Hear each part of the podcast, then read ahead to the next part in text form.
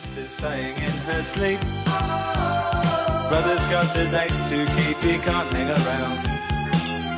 Our house in the middle of our street. Our house in the middle of our... Välkommen till det här programmet som heter Tyresö växer och som sänds på Tyresö radion 91,4 MHz. Jag heter Katarina Johansson Nyman och idag har jag en gäst i studion som heter Lotta Nyland. Välkommen hit Lotta. Tack så mycket. Lotta, du jobbar på ett företag som heter Beskab. Mm. Och för många Tyresöbor så tror jag man känner igen det namnet. Men berätta lite grann, vad är Beskab för företag? Nej, men Beskab är ett eh, projektutvecklingsbolag. Vi utvecklar bostäder. Och vi utvecklar bostäder egentligen eh, alla sorters bostäder. Det är bostadsrätter och det är hyresrätter och vi gör vårdboenden och äganderätter, småhus, lägenheter och det är stora projekt och det är små projekt. Eh, vi har funnits i 30 år, firar vi i år. Och vi är ungefär 100 tjänstemän som sitter i Stockholm och i Uppsala. Och vad det gäller de som så att säga, bygger då, är, det underentreprenörer då? Eller? Ja, just det. Vi är ett rent tjänstemannabolag så att vi har inga egna entreprenörer utan vi delar upp våra entreprenader. Jobbar Mm. med delade entreprenader som man säger. Och hur många bostäder per år ungefär producerar ni? Eh, ja, men vi, idag har vi ungefär tusen lägenheter i pågående produktion och vi byggstartar sådär 400-500 om året. Mm. Och det är både Stockholm, Uppsala? Vilka? Det är i Stockholm och Uppsala. Mm. Mm. Och vilka är era största konkurrenter? Det är de andra bostadsbyggarna som håller på med nyproduktion. Eh, nu är bostadsmarknaden är ju väldigt lokal så att det är ju olika konkurrenter skulle jag säga på Mm. olika, olika delar. Men det kan till exempel vara JM och Skanska Ja, och sådär. ja. Mm. Du, och du sa att, att ni bygger både bostadsrätter och hyresrätter och, och egna hem och vårdboende. Men, men för jag, när jag tänker på er, då tänker jag på er som en bostadsrättsbyggare. Så Mm. den största delen är Ja, bostadsrätter. det är största delen är bostadsrätter. Det stämmer. Mm, just det. Du, och, och när ni ska bygga någonstans, hur går det till? Hur hittar ni marken? Ja, det är en hel avdelning hos oss som jobbar med det. Men det är på olika sätt. Så att, eh, antingen så, så är vi med i markanvisningstävlingar, kan vara ett sätt. Eh, vi är ganska mycket lokalt ute själva och letar. Så att vi, vi har delat upp kommunerna mellan oss och då är man lite nära de kommuner som man är ansvarig för.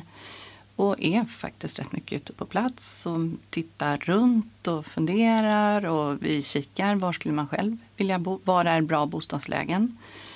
Eh, och så tar vi reda på vem, vem äger marken och så ser vi om vi kan hitta, hitta projekt den vägen. Antingen genom kommunen eller privata fastighetsägare.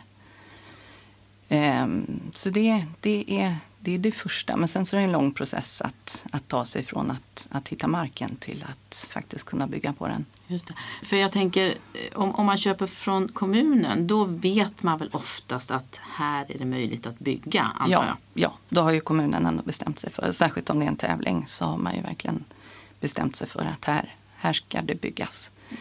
Just det. Du, och, och sen markanvisningstävlingar då, vad är det man ofta tävlar på? Liksom, tävlar man på antal lägenheter eller tävlar man på utformning eller, eller hur funkar det? Ja, Det är lite olika faktiskt. Och jag skulle säga att den roligaste markanvisningstävlingen som vi har vunnit eh, var den nere i Tyresö strandängarna. Mm. Eh, då hade kommunen satt eh, markpriset. Det här vill vi ha betalt för marken. Vad kan ni göra? Och den, sådana tävlingar tycker vi jättemycket om för då får vi, då får vi tävla med vår kompetens. Då är, då är markpriset satt och sen så får man klura på bra bostadslösningar. Ehm, och så tycker vi förstås, eftersom vi vann den tävlingen, att, att det var en extra bra tävling. Mm, förstås. Och jag tänkte det blir lite, liksom lite baklänges för precis som du säger att när man ska tävla om priset så kanske det ibland blir Ja, kommunen får mycket pengar men det är inte säkert att det blir en bra lösning. Nej, det är ju någonstans så det, eh, det är ett, projekten ska ju tåla egentligen vilken konjunktur som helst om, om det ska bli bra. Och då är ju markpriset är ju en fråga och sen så är ju vad, vad man ska bygga på platsen och vad kunderna efterfrågar just vid den tiden, det är ju en annan fråga. Du, och, om vi ska prata lite kort om strandängarna då. Eh, För det är ju lite där var det ju dels flerbostadshus, eller hur? Ja, det var en av tävlingsförutsättningarna att det skulle vara det. Okej. Mm. Och, men sen gjorde ni också de här är det radhusen som går liksom ut i vattnet. Ja, men precis. Så det var egentligen vår idé. Att, att, eh, för det skulle vara flerbostadshus. Det var väl egentligen det, det som var kriteriet. Eh, och då hade vi redan i våra tävlingsförslag, det, är väldigt, det ser ut som, som det gör där på platsen idag. Så att vi har ju hållit oss väldigt till förslaget. Men en blandning av flerbostadshus men även flerbostadshus då i mindre skala.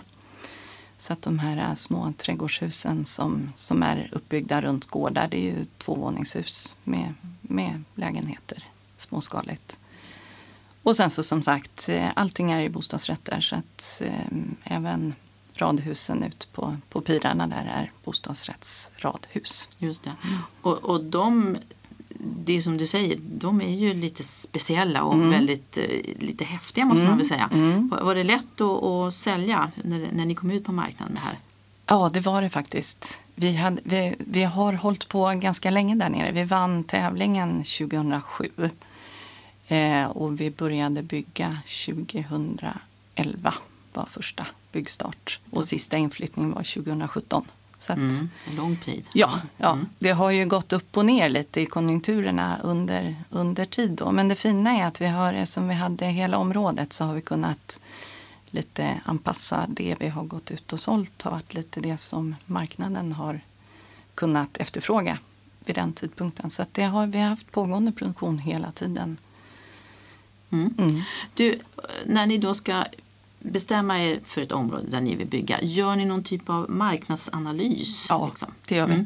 Många gånger skulle jag säga. Så att vi börjar ju när man tittar i de här allra första tidigaste skedena när vi funderar på vad, vad och var ska vi bygga. Då gör man ju en analys. Eh, sen gör man ju om den analysen under eh, processens gång. Så att, eh, så att säga, under detaljplaneskedet så försöker man ju hålla, hålla den ganska generell för att kunna möta den marknad som är sen, sen när det närmar sig ett byggskede. Men inför att vi ska gå ut och börja så här starta och söka bygglov så då gör vi ju nya analyser. För det är klart att har processen tagit lång tid så, så kan ju marknaden ha förändrats också. Mm. Och då vill det ju till då att man har fått till den här som du säger generella detaljplanen. precis. Är, är det lätt att få till det här i Tyresö? Tycker du? Får man bra bemötande? Eh, jag tycker vi har haft en bra dialog med kommunen. Just om man säger kring Strandängarna var vi ju med. Där byggde ju eh, allt på våra tävlingsförslag. Så att eh, det är klart att då, då står vi ju bakom det. Sen kan man ju inte alla detaljer riktigt i de här allra tidigaste skedena. Det är ju sånt som, som man lär sig vartefter hur marken ser ut mer i detalj och sådär. Så att där tycker jag vi har haft en bra, bra dialog och bra process med kommunen.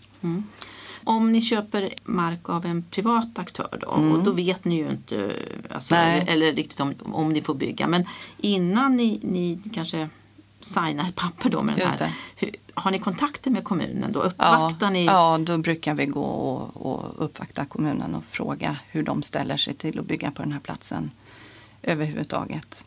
Och ibland kan man ju även söka och få ett planbesked eh, i tidigt skede. Är det politiken ni uppvaktar då oftast? Eller? Ja, både, både politiken och tjänstemännen skulle jag säga. Att det, Hur mycket kan man lita på ett sånt eh, alltså, muntligt besked om man får det? eh, ja, det, det beror ju på hur, hur nära val man är och hur politiken ser ut efter Ja, valet och så. Men, eh, men jag tycker att i de kommuner där vi är verksamma och ändå vi försöker ju, vi jobbar ju långsiktigt så att vi också, vi också är att lita på att det vi, det vi lovar i tidigt skede, det gör vi sen också. Så att, och det brukar någonstans så hittar man varandra i den, ja, ett ömsesidigt förtroende på något sätt i, i det man säger och det man gör. Men du, det här måste ju innebära att, att ibland kan det vara otroligt långa processer. Att ni Mm. ibland måste ligga på mark väldigt lång tid innan ni kommer igång. Och ni kanske också tänker om under resans Mm. gång att det här är inte lika attraktivt att bygga nu, vi- prioriterar om eller så. Mm. Ja, men så, så är det ju. Sen som sagt, avtalen, hur de ser ut i botten, det kan ju vara lite olika. Att det är Mm. villkorat av en detaljplan eller Ja, just det. Så kan man Ja. naturligtvis göra Ja. också. Ja. och så. Så att ehm, tratten måste vara bred, så man har lite både och. Så där, att det är både, både lite större generella områden som man kan jobba med och, och även lite mindre specifika områden. Och, och har man den blandningen, ja, men då, då, vi vet ju att det tar tid. Mm. Och ibland går det fort. Men har ni då, har, har Beskap en, en, en mängd olika tomter som ni redan har köpt in så att säga? Eller, eller ligger Ja, i- vi har ju en, en byggrättsportfölj som man säger. Så Ja. det, det är ju en blandning som sagt och vi försöker ju sprida ut oss så att vi är eh, i olika kommuner och jobbar och i, i olika sorters projekt. Att vi blandar småhusprojekt och flerbostadshus och, och så att vi kan, vi kan möta efterfrågan lite på olika ställen och olika sätt. Mm. Så, att så, så jobbar vi hela tiden. Att man måste jobba aktivt med sin portfölj. Men som sagt var, nu har ni det här kvarteret Myntan då, Mm. i Tyresö. Mm. Och som du sagt, ni, ni har tidigare byggt borta vid Strandängarna. Mm. Och det måste ju ändå innebära att ni tycker att Tyresö är en ganska bra kommun. Ja, det gör vi. Ja, vi Mm. tycker om att vara i Tyresö. Ja. Så att, Och vad är det som gör att Tyresö är bra då? Nej, men det är ett trevligt ställe att bo på. Mm. Och, vi, och det märker vi ju.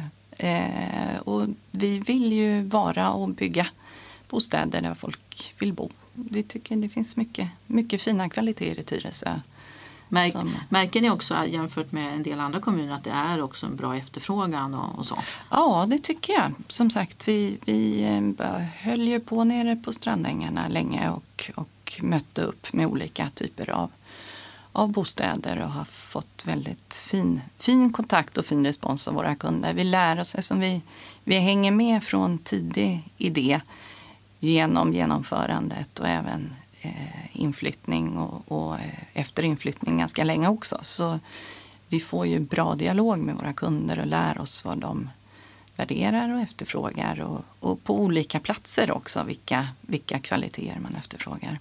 För, för ibland så, så säger man ju, till exempel vet jag ju att man sa det om Hammarby sjöstad, att man trodde ju att det skulle vara äldre personer som hade, med utflyttade Mm, barn som ja, sålde villan som ja, flyttade dit. ja. Och så visade det sig helt plötsligt att det var massor av barnfamiljer som flyttade dit. Hur, hur ser det ut till exempel i Strandängarna? Vilka, vilka köpte husen där? Det är ganska mycket barnfamiljer som har köpt och det är väldigt många Tyresöbor som har köpt. Eh, vi ser en hel del hemvändare så att även om man inte bor i Tyresö idag så har man någon tidigare anknytning och, och flyttar hem igen. Men du, så, så är det med väldigt många Tyresöbor ska jag Ja. säga. Har jag märkt. Ja. Jag bodde i Bromma förut, det var precis samma sak Ja. där. All, alla hade liksom någon knytning till Bromma. Ja, det, det. jag tror det är samma sak här. Det är Ja. väldigt många som är uppvuxna här och Ja sen men, kommer man, tillbaka. ja, men precis. Man vill ge sina barn samma sak som Ja, man själv har fått. Mm. Men vi ser också att det finns en del som har ehm, nej men man kanske har bott i ett större hus med en större tomt eh, och istället för att flytta till lägenhet så flyttar man till ett lite mindre, mer lättskött hus. Nyproducerat. Ja, Ja, så precis. skönt. Ja. Ja, precis. Jo, det kan man känna igen. Ja. Du, eh, om vi skulle prata lite grann om, om kvarteret Myntan Mm. då. Berätta, vad, vad, vad är det ni bygger där? Ja, och det är också en markanvisningstävling som vi vann för ett par år sedan. Eh, och det är ett småhusområde. Det är 47 radhus och parhus. Eh, Miljöprofilen var viktig i den här tävlingen så att vi har eh, tegelradhus. ska vara hållbara över tid. Eh, det finns solceller på taket. Och, Mhm. Energieffektiva är ju egentligen alla, alla nya hus som byggs ja, och så. Så är det nu för Mm. tiden. Mm.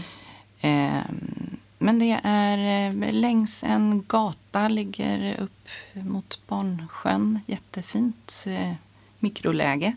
Eh, Och uppbyggt lite sådär med gemensam gård och ja, men små tomter, men, men med skogen nära.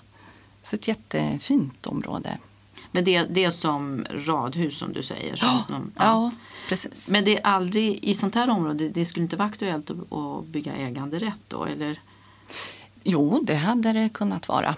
Nu eh, så eh, gjorde vi den bedömningen och det hänger ju lite ihop med eh, bolånetak och olika kreditrestriktioner som har kommit så är ju bostadsrätts småhus ändå ett sätt att kunna möta upp lite fler kunder. Jaha, okej. Okay. Det kan vara så. Ja, Ja. Att, att det kan vara Så enklare man- att finansiera. Alltså. Precis. För så. jag tänkte precis tvärtom. Ja. för jag tänkte så här att, för nu pratar man ju om att i och med att nyproduktionsmarknaden har gått ner något Just det. så har man ju förstått att många kommer inte igång med sina projekt Ja. utifrån att det inte är tillräckligt många Ja, som har tecknat sig.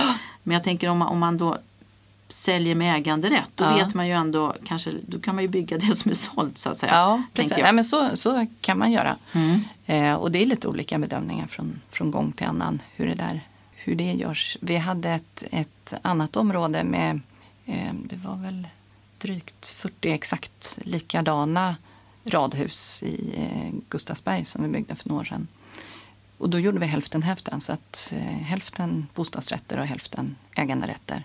Och egentligen för att bredda målgruppen då. Så att, eh, Såg ni någon skillnad då? Vad, vad, vad gick fortast? Så att säga? Vad, fick, vad fick ni sälja först? Ja, först sålde vi äganderätter och då Okej. hade vi egentligen hela projektet tänkt som äganderätter. Mm. Men sen så då kom lite de här äh, olika kreditrestriktionerna. Så att då var det ett sätt att, att ändå eh, möta upp Och det du nya prat- förutsättningar egentligen. Ja, och det du pratar om det kanske är de här 15 procenten som man måste ha som ja, kontantinsats. ja, men och- precis. precis. Sänker man, det blir ju indirekt Mm. att då sänker man insatserna. Och Just så. För att då blir det ju så att föreningen har ju lånen istället. Precis. Och, och normalt då, hur, hur mycket, hur mycket av så att säga, kapitalet eh, alltså, ligger i föreningen och hur mycket har man som privatperson då?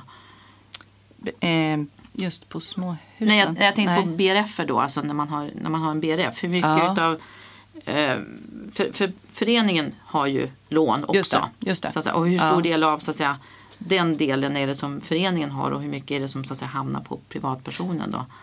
Ja, ska man prata delar så är det lite beroende på hur, var, var man är och hur Okej. dyra är lägenheterna. Ja, för ja. att andelen man lägger lån i föreningen är ganska konstant om man tittar på bostadsrättslägenheter. Småhus blir lite svårare att jämföra just. Mm, jag tänkte för bostadsrättslägenheter då. Bostadsrättslägenheter så kanske det ligger någonstans mellan 10 000 och 15 000 kronor per, per boa. Du, och de här husen då i, i eh, eller lägenheterna, kallar ni för hus eller lägenheter? Nej, vi kallar inte? dem för hus. Ja, det är småhus. Ja, Ja, precis. ja, det är det. Trots ja. att de upplåts Ja. med, med bo, Ja, bo, bostadsrättsform. ja. Så Så är det rad och parhus. Och, och vad kostar en, en eh, vad kostar de då ungefär?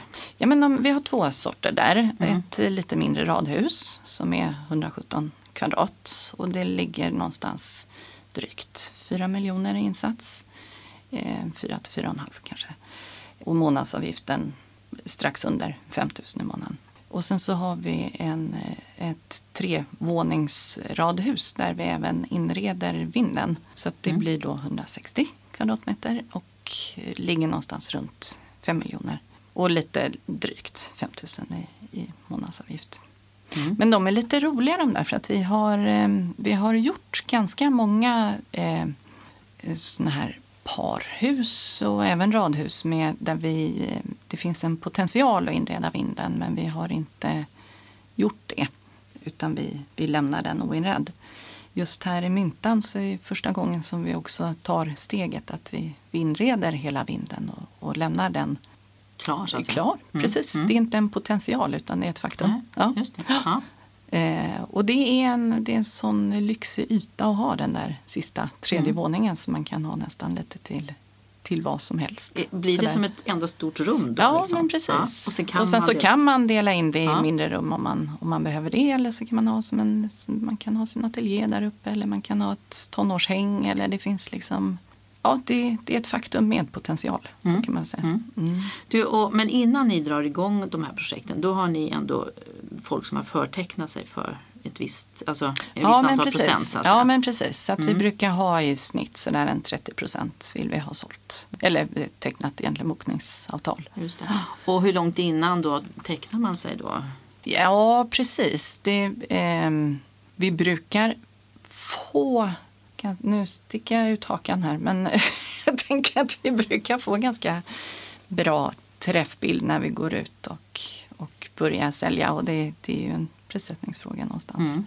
Och då, eh, då är det ju egentligen byggtiden så att man, man kanske tar till ett par månader för säljprocessen. Och sen så är det ju byggtiden.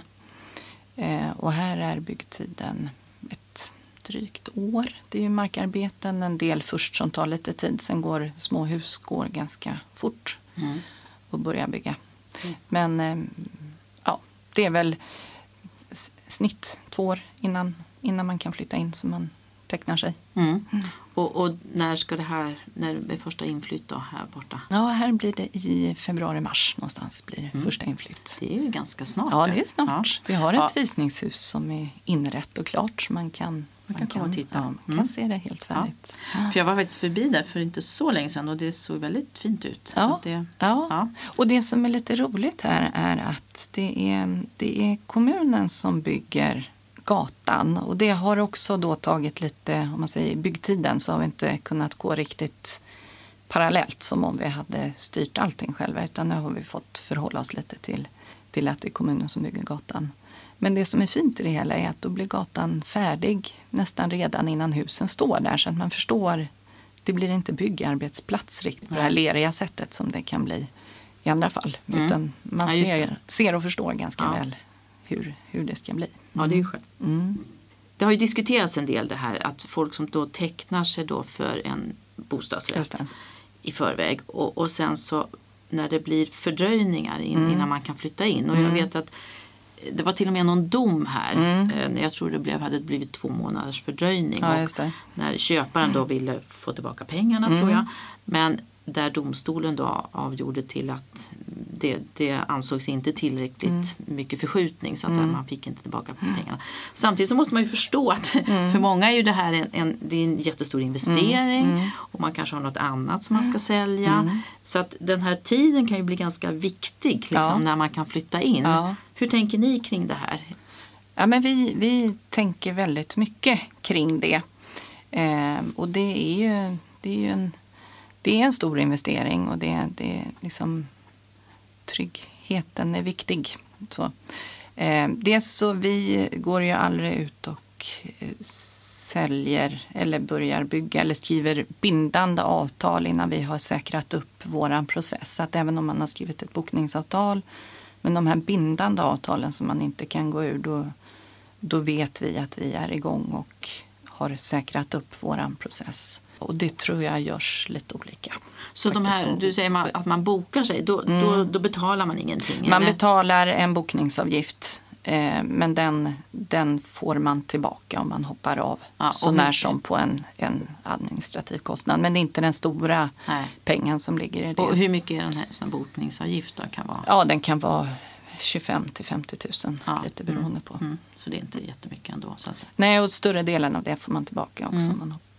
Eh, Men sen så när man skriver de här förhandsavtalen, det är ju de som blir bindande avtal och det är de det har varit lite, lite processer runt. Och det handlar, egentligen handlar den här frågan om när man skriver nästa upplåtsavtal och hur, hur pass mycket man har säkrat upp den tidpunkten. Ehm, och det, det vi nu, förut hade vi kanske ett lite liksom, spann på när man skriver upplåtsavtal mm, på någon månad när. Nu är det mer uppsnäppt så att nu är det på någon vecka när det där ska skrivas. Tänker också så här att för, för det var ju ändå så, måste man väl erkänna, att för några år sedan Mm. så köpte ju folk lägenheter på spec, Mm. alltså spekulation. Och det, det var ju till och med så att folk tecknades för flera Mm. lägenheter. Eh, och därför att man visste liksom att så fort man Mm. hade tillträtt så kunde man i stort sett dagen efter sälja den med Mm. visst avans då. Det. och och det, där, det där var ju naturligtvis inte bra för, för marknaden. Och Nej. det där var väl någonting som ni också insåg att Ja, precis. Ja, Nej, men vi, vi, alla marknader har sina för, eh, liksom, olika utmaningar att hantera. Och det här var ju en sån. Som eh, det, vi, vi föredrar ju när det är de riktiga kunderna som, som faktiskt ska bo där som kommer och köper i tidigt skede. Och idag kan man väl Men- säga att idag är det ju så. Ja, nu är vi ju precis. Nu är Ja. Mm. vi egentligen där vi vill vara. Att det, det, vi säljer, eh, men det rusar inte iväg innan vi har hunnit egentligen förstå vad som hände. Men visst, så var det under en period och då, vi, då får man sätta upp nya regelverk kring det så där att bara en, en kund per affär och lite mm. sådana saker. Då, mm. Du, och, och, sen så har ju ni någonting som ni kallar för, eller ja det är kanske inte bara ni som har utan det är mm. kanske branschen som kallar för Trygg BRF. Just det. Och ni är anslutna till det. Exakt, mm. vi är en av initiativtagarna till det. Och det hänger ju ihop med precis eh, de här eh, frågorna. Dels kring eh, de här domarna och osäkerheter och hur, hur ska det bli och att det inte är 100% säkert att man, priserna alltid bara går upp utan trygghetsfaktorn är ju det är någonting som ändå är det viktigaste med sin bostad. Eh, och i det så då eh, var vi tillsammans med en handfull andra aktörer i branschen har eh, tagit det här initiativet då till Trygg BRF som eh, är kan man säga en uppstyrd process där, där man dels eh, redovisar, dels att eh, få vara med i den här sammanslutningen kräver någonting av bolagen som man sluter sig. Så att man, det finns vissa etiska riktlinjer och så som man ändå skriver under på att man, man jobbar enligt. Och det har mycket med ordning och reda, och vilka avtal man skriver, att det är bra avtal både gentemot kund och bostadsrättsförening men sen även bostadsrättsförening och oss som producerar eh, husen. Eh, men sen så är det också en, en transparens som hjälper kunderna att kunna eh, jämföra olika projekt så att man redovisar ett antal nyckeltal. Just de här vi pratade om med hur mycket lån ligger i föreningen och hur ser underhållsplaner ut. Och, ja, så att man, man likställer egentligen föreningarna och kan, kan skapa sig en uppfattning. Hur länge har ni haft det här? Det är ganska nytt. Mm. Så att, eh, nu, nu har vi börjat eh, certifiera våra projekt. Eller vi, det, det första man gör är att man, man säger att man ska certifiera dem. Eh, men certifiering kommer egentligen först på slutet när man är färdig. Och då, då ska man ju ha redovisat allting klart och, och ja, men ha garantier och försäkringar och allting sånt mm. på plats. Och då är det ett sånt här oberoende organ som heter Garbo som står för själva certifieringen. Men har man, har man visat ambitionen och man redovisar de här nyckeltalen och allting då kan man i alla fall ha det i sin marknadsföring till att börja med. Så mm. att, Märker ni att det här uppskattas av kunderna? Jag, alltså jag tror att det allting... kanske är så nytt? Alltså ja, det är så, dels mm. är det så nytt. Men sen så tror jag att allting, det är så många beslut när man tar en bostad. Att det är, det är läget och priset. Men sen ska det kännas bra och man ska, liksom, man ska gilla både mjuka fakta och, och hårda fakta. Och på något sätt tror jag att när, när allting sånt faller rätt då, då blir det en affär. Och sen är det svårt att riktigt säga att vad, vad var mest viktigt av det utan det är en sammantagen helhet. Mm. Nej, men för, precis som du var inne på, alltså det är ju kanske den största affären man ja. gör i sitt liv. Ja. Och det kan vara livsavgörande nästan, håller ja. eller åtminstone ja. påverka ens ekonomi Exakt. väldigt mycket. Så att det är ju väldigt viktigt att det ja. blir rätt hela vägen. Eh, du, eh, för en diskussion som ju, den har väl egentligen funnits ganska länge men, men jag tänker den här killen Mikael Ancho som mm. kommer från Einar Mattsson, mm. vet jag, som jag träffade någon gång. Han, mm. han har ju bland annat pratat om det här med till exempel när man köper en ny bil mm.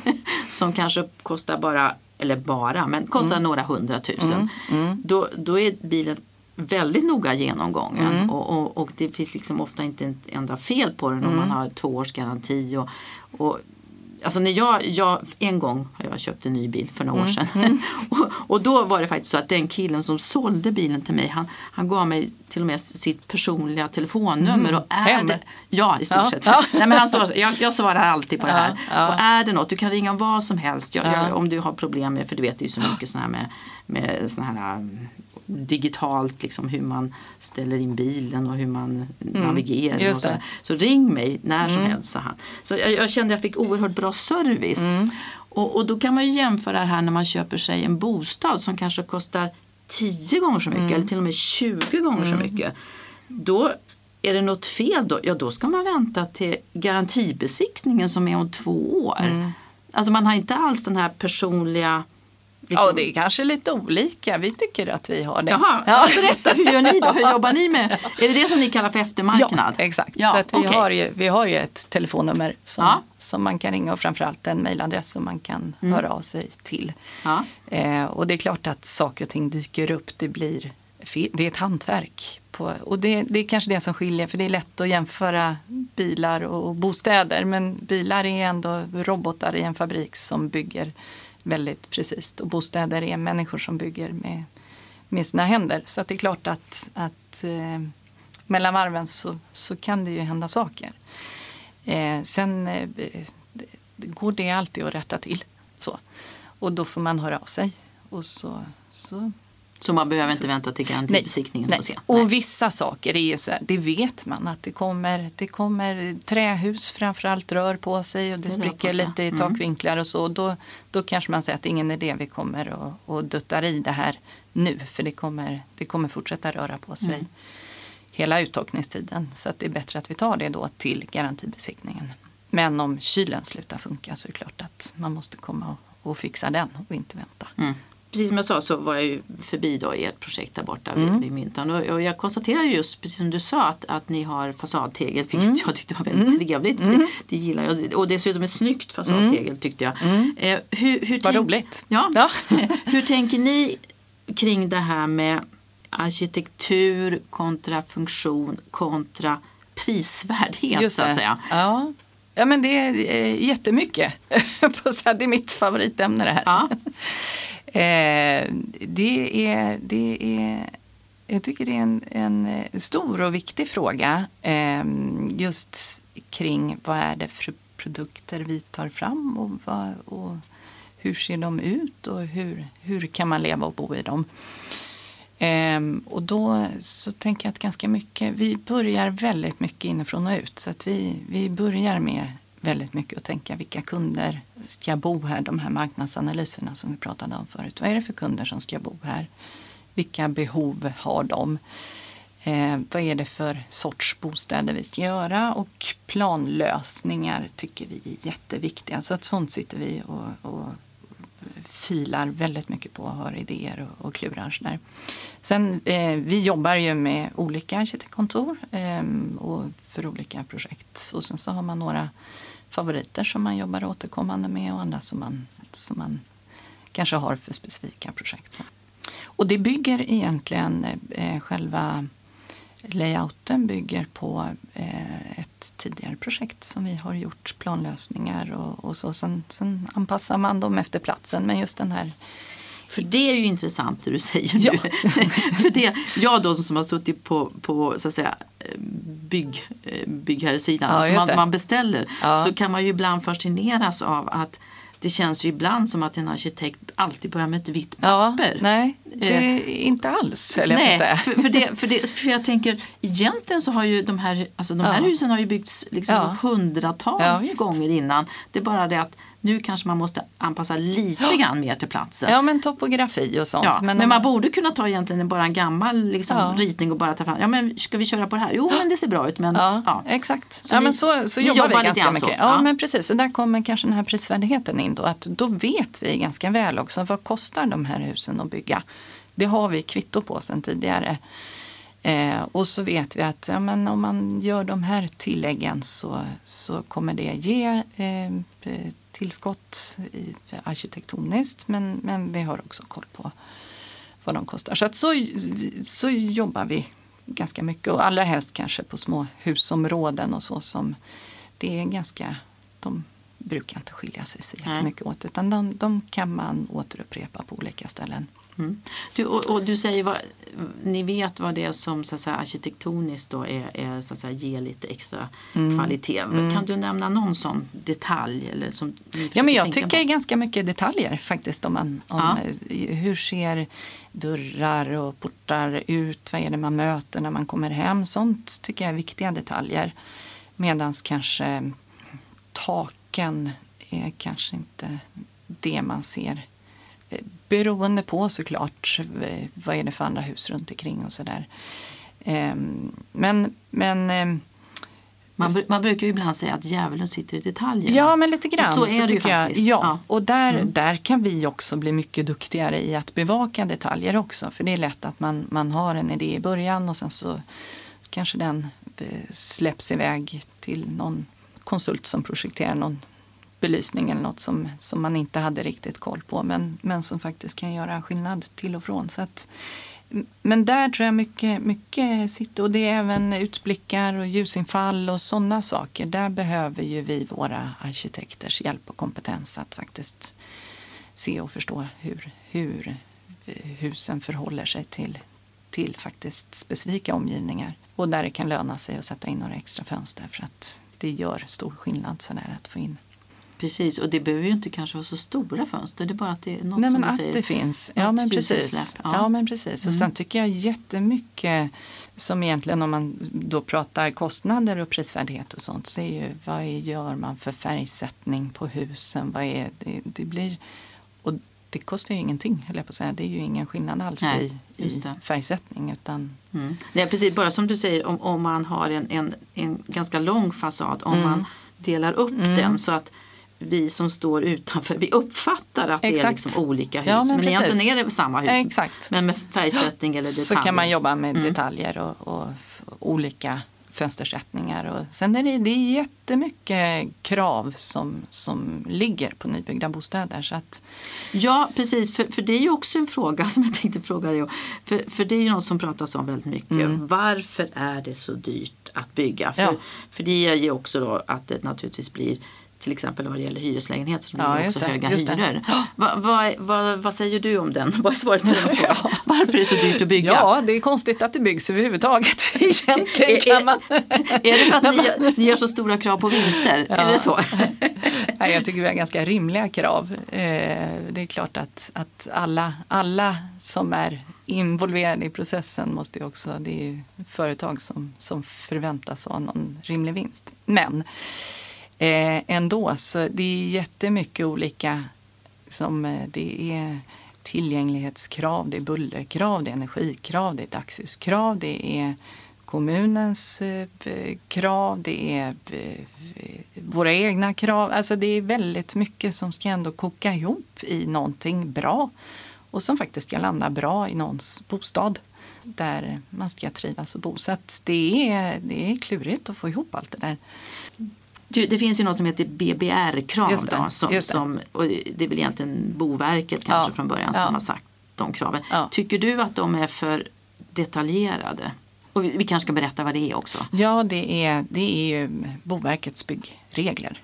Som, som inne, och de tar hand om alla de här olika kraven som jag radade upp då kring tillgänglighet och buller och, och bostadsutformning och, och så. Och det är klart att någonstans man, man eh, lär sig också hantera de här kraven och det är klart att vi, vi vill göra bra bostäder. Men sen så finns det ju alltid olika intresseorganisationer och alla driver sin fråga väldigt hårt. Och det är klart att när allas frågor blir extra viktigast så till slut så börjar det ju, då, då blir det till slut dyrt att bygga för att då blir det lite special i alla, i alla lösningar. Sådär.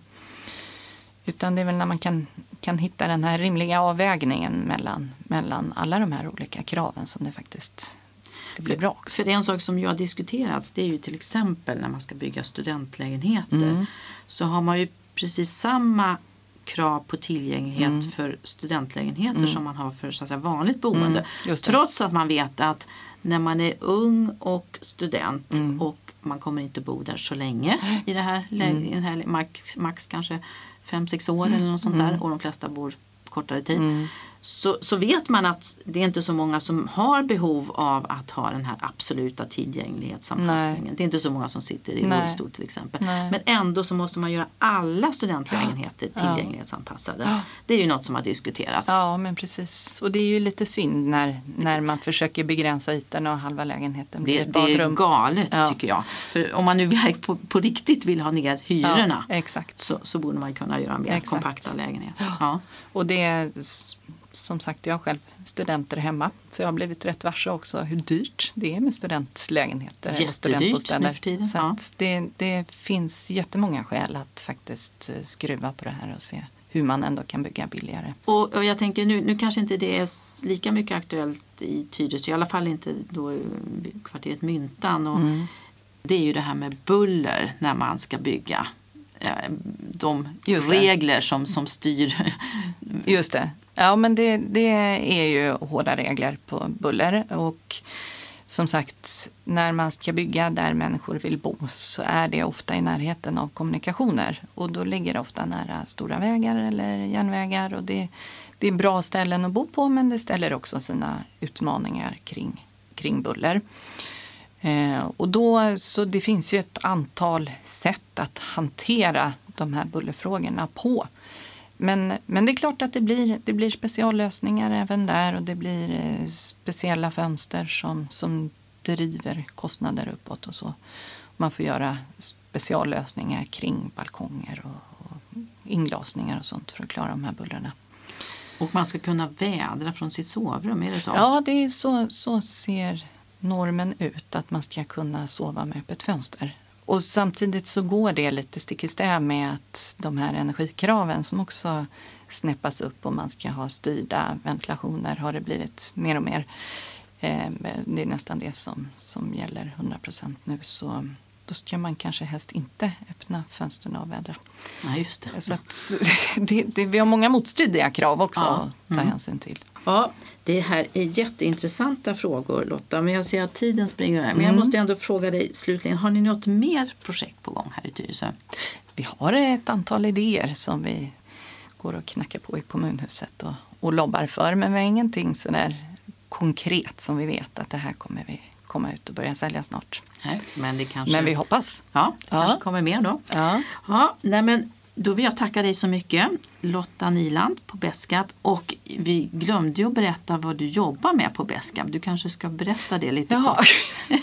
Det skulle vi ha tagit Ja. i början, men vi kan ju ta det här i slutet Ja, istället. det kan vi göra. Jag jobbar som regionchef eh, på Beskab och ansvarar för vår bostadsutveckling i eh, alla våra kranskommuner runt Stockholm. Mm. Bara Tyresö är en. Och jag tackar så jättemycket att jag fick komma. Det här tycker jag var jättekul. Tack så mycket säger vi till dig idag Lotta och det här är som sagt var eh, ett program i serien Tyresö växer och jag som pratar heter Katarina Johansson Nyman. Tack! Brothers got today to keep, you can't hang around. Our house in the middle of